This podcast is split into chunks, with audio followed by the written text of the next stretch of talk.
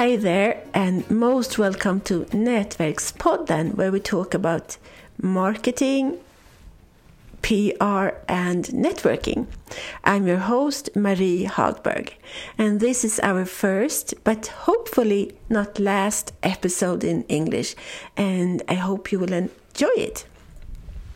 Today's guest has been here a few times before. His name is Lars Olofsson. Welcome to the show again. Thank you, Marie. It's always nice to talk to you and uh, be part of this Nätverkspodden. It's good to have you back and really nice to talk to you too. Thank you. Thank you. Who are you? Well, uh, my name, as uh, you presented my, uh, me, is uh, Lars Olofsson. I'm the CEO of a investment company. It's called Prio Startup. And uh, we are an uh, investment company focused on investing in startup companies. And uh, I have been doing this for almost some 30 years now in different kind of uh, concepts and so on. But uh, for 40 years, uh, 30 years, I have been a business developer and an investor in uh, new early stage companies. It's so interesting. What's happening now? Well, a number of things is happening. Uh, we have, since we started this new concept about a year ago uh, with the Prio Startup organization and concept, uh, then we have uh, done a number of investments in uh, the Scandinavian areas, and uh, now we are expanding outside Scandinavia. And just by a coincidence, we met a lady in September, October last year who came from from Macedonia in Balkan, and uh, she said that she could introduce us to some of her friends and business contacts in Macedonia, and I decided to uh, look into these opportunities. So I went to Skopje, the, the capital of Macedonia, in the end of uh, October, and uh, this has just been snowballing. Actually, uh, it has been uh, some setbacks, but mostly a, a, number of very, very interesting experience. So right now we have in our portfolio, we have done about 15 investments so far uh, since uh, September, October last year. And this is expanding not just in Macedonia, that is most southern of uh, the former Yugoslavian uh, country countries. Uh, we are just now looking into Slovenia, to Serbia, and to Bulgaria as well. And uh, we have done uh, not just uh, a number of investments, we have, we have all, uh, also num- uh, done a number of cooperations with organizations, with governments, and some international help and aid organization that is helping the Balkan regions to have a little bit uh, uh, economic growth and uh, development of markets. It's so cool.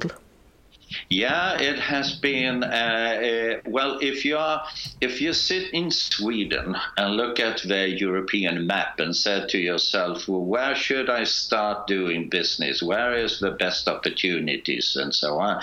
It might not be that you are looking at uh, the Balkan regions and uh, and uh, Macedonia. Macedonia is a very small country. It's not more than two million people. It's the size of, uh, uh, of Småland, uh, about Småland in, in, in Sweden.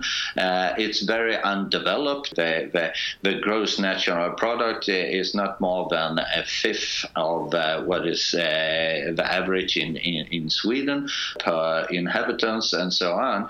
But anyway, there are a great number of opportunities. They have uh, a, a, high level of education. A number of people are educated outside Macedonia, in uh, West uh, Europe or in the US.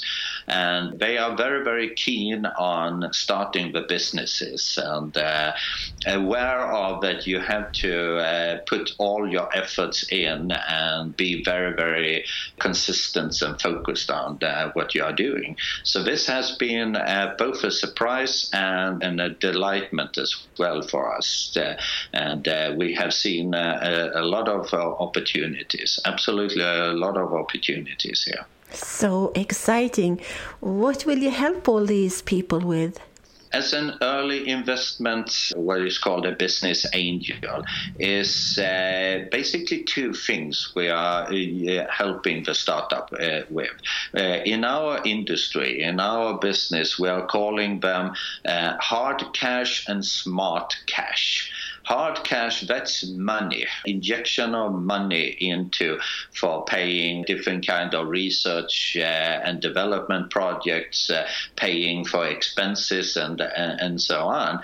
And smart money, that's money where you are helping them by using our network, our business developer that we have uh, uh recruited, and so on. So it's help opening doors and so on. And quite often, the smart money is much more valuable for the startups than the hard money. I'm often saying that if you go uh, uh, along a river and you have seen a fellow who has fallen into the river and uh, is drowning, uh, he is not helped by that you are running to him and giving him a thousand dollar bill. That's not what he, he, he needs. He, he needs you to jump in and, uh, and rescue him.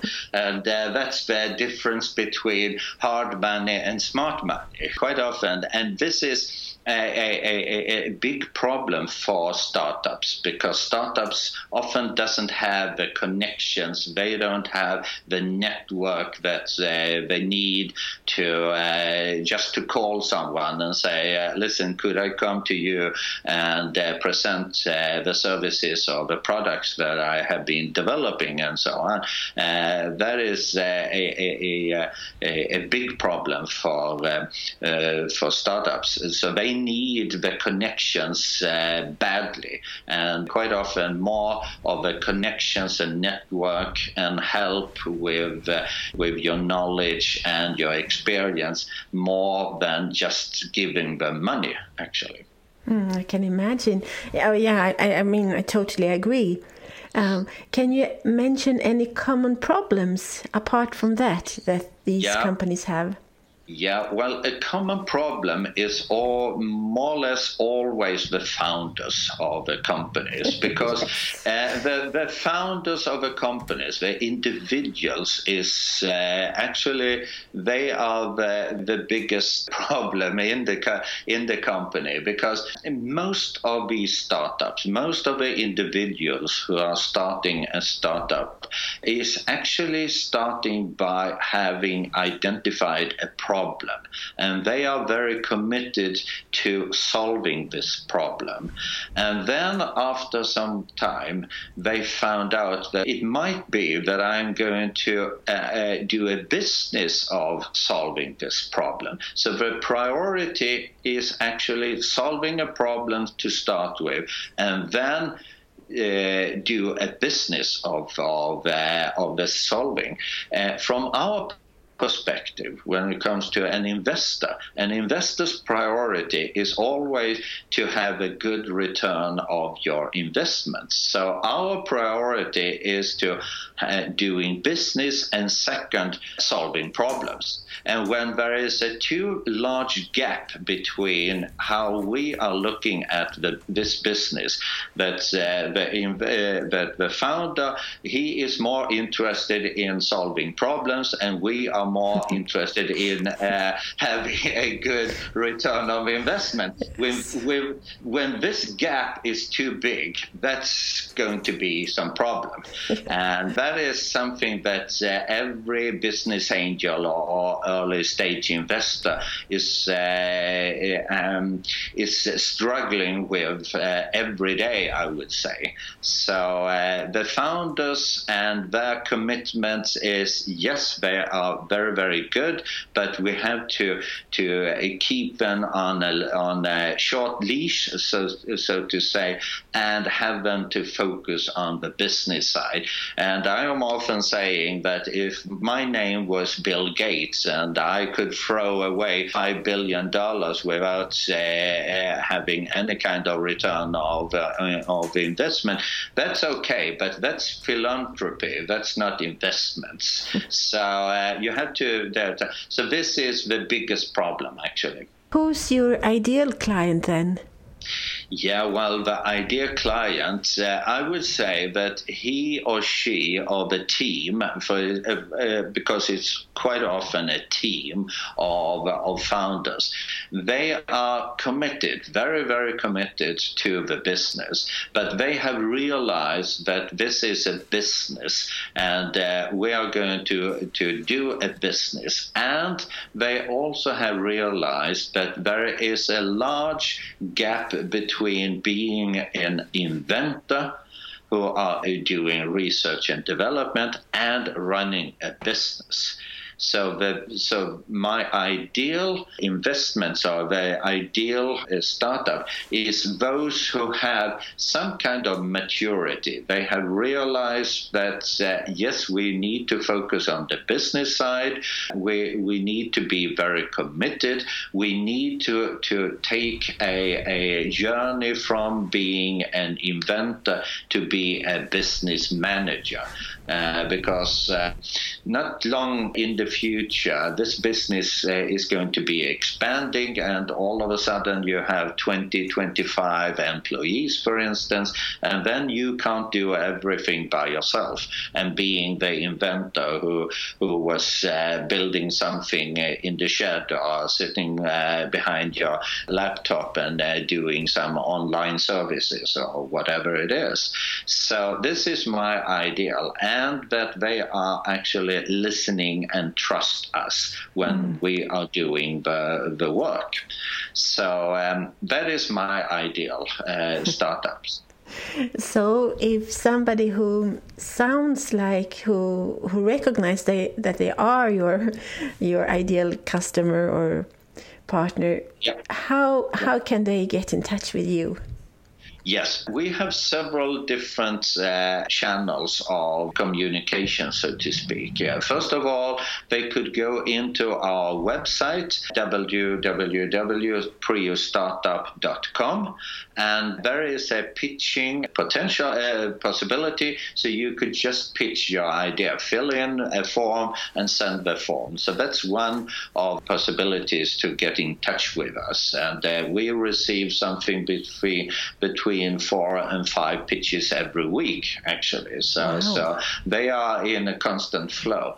Then they could call us or send an email. It's also in our website, priostartup.com, where they could send us uh, emails and uh, ask us, sending the, the pitch to us. And then uh, every now and then we are doing pitch events. Uh, so uh, look out uh, on um, on LinkedIn and uh, and on Facebook where we are putting them those pitch event, events. that's where you could come and pitch your ideas to us. So there is a lot of opportunities, different kind of arrangements to get in touch with us.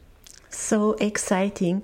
Well, thank you so much, Lars Olofsson, for being here again. And I'm so excited to hear what the future has to bring for you. Yeah, thank you, Marie. It's always nice to talk to you and always nice to be at the Network Pod. thank you. Det här avsnittet presenterades av min tjänst Hjälp en journalist. Vill du berätta din historia i tidningar som Expressen Söndag, Amelia eller kanske Svenska Dagbladet? Prenumerera och svara gratis på efterlysningar från olika journalister.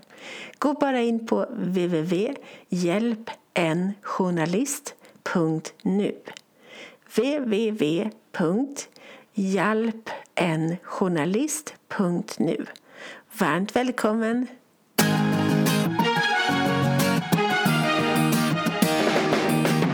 Tack för att du har lyssnat på Nätverkspodden om nätverkande, PR och marknadsföring med Nina Jansdotter och Marie Hagberg.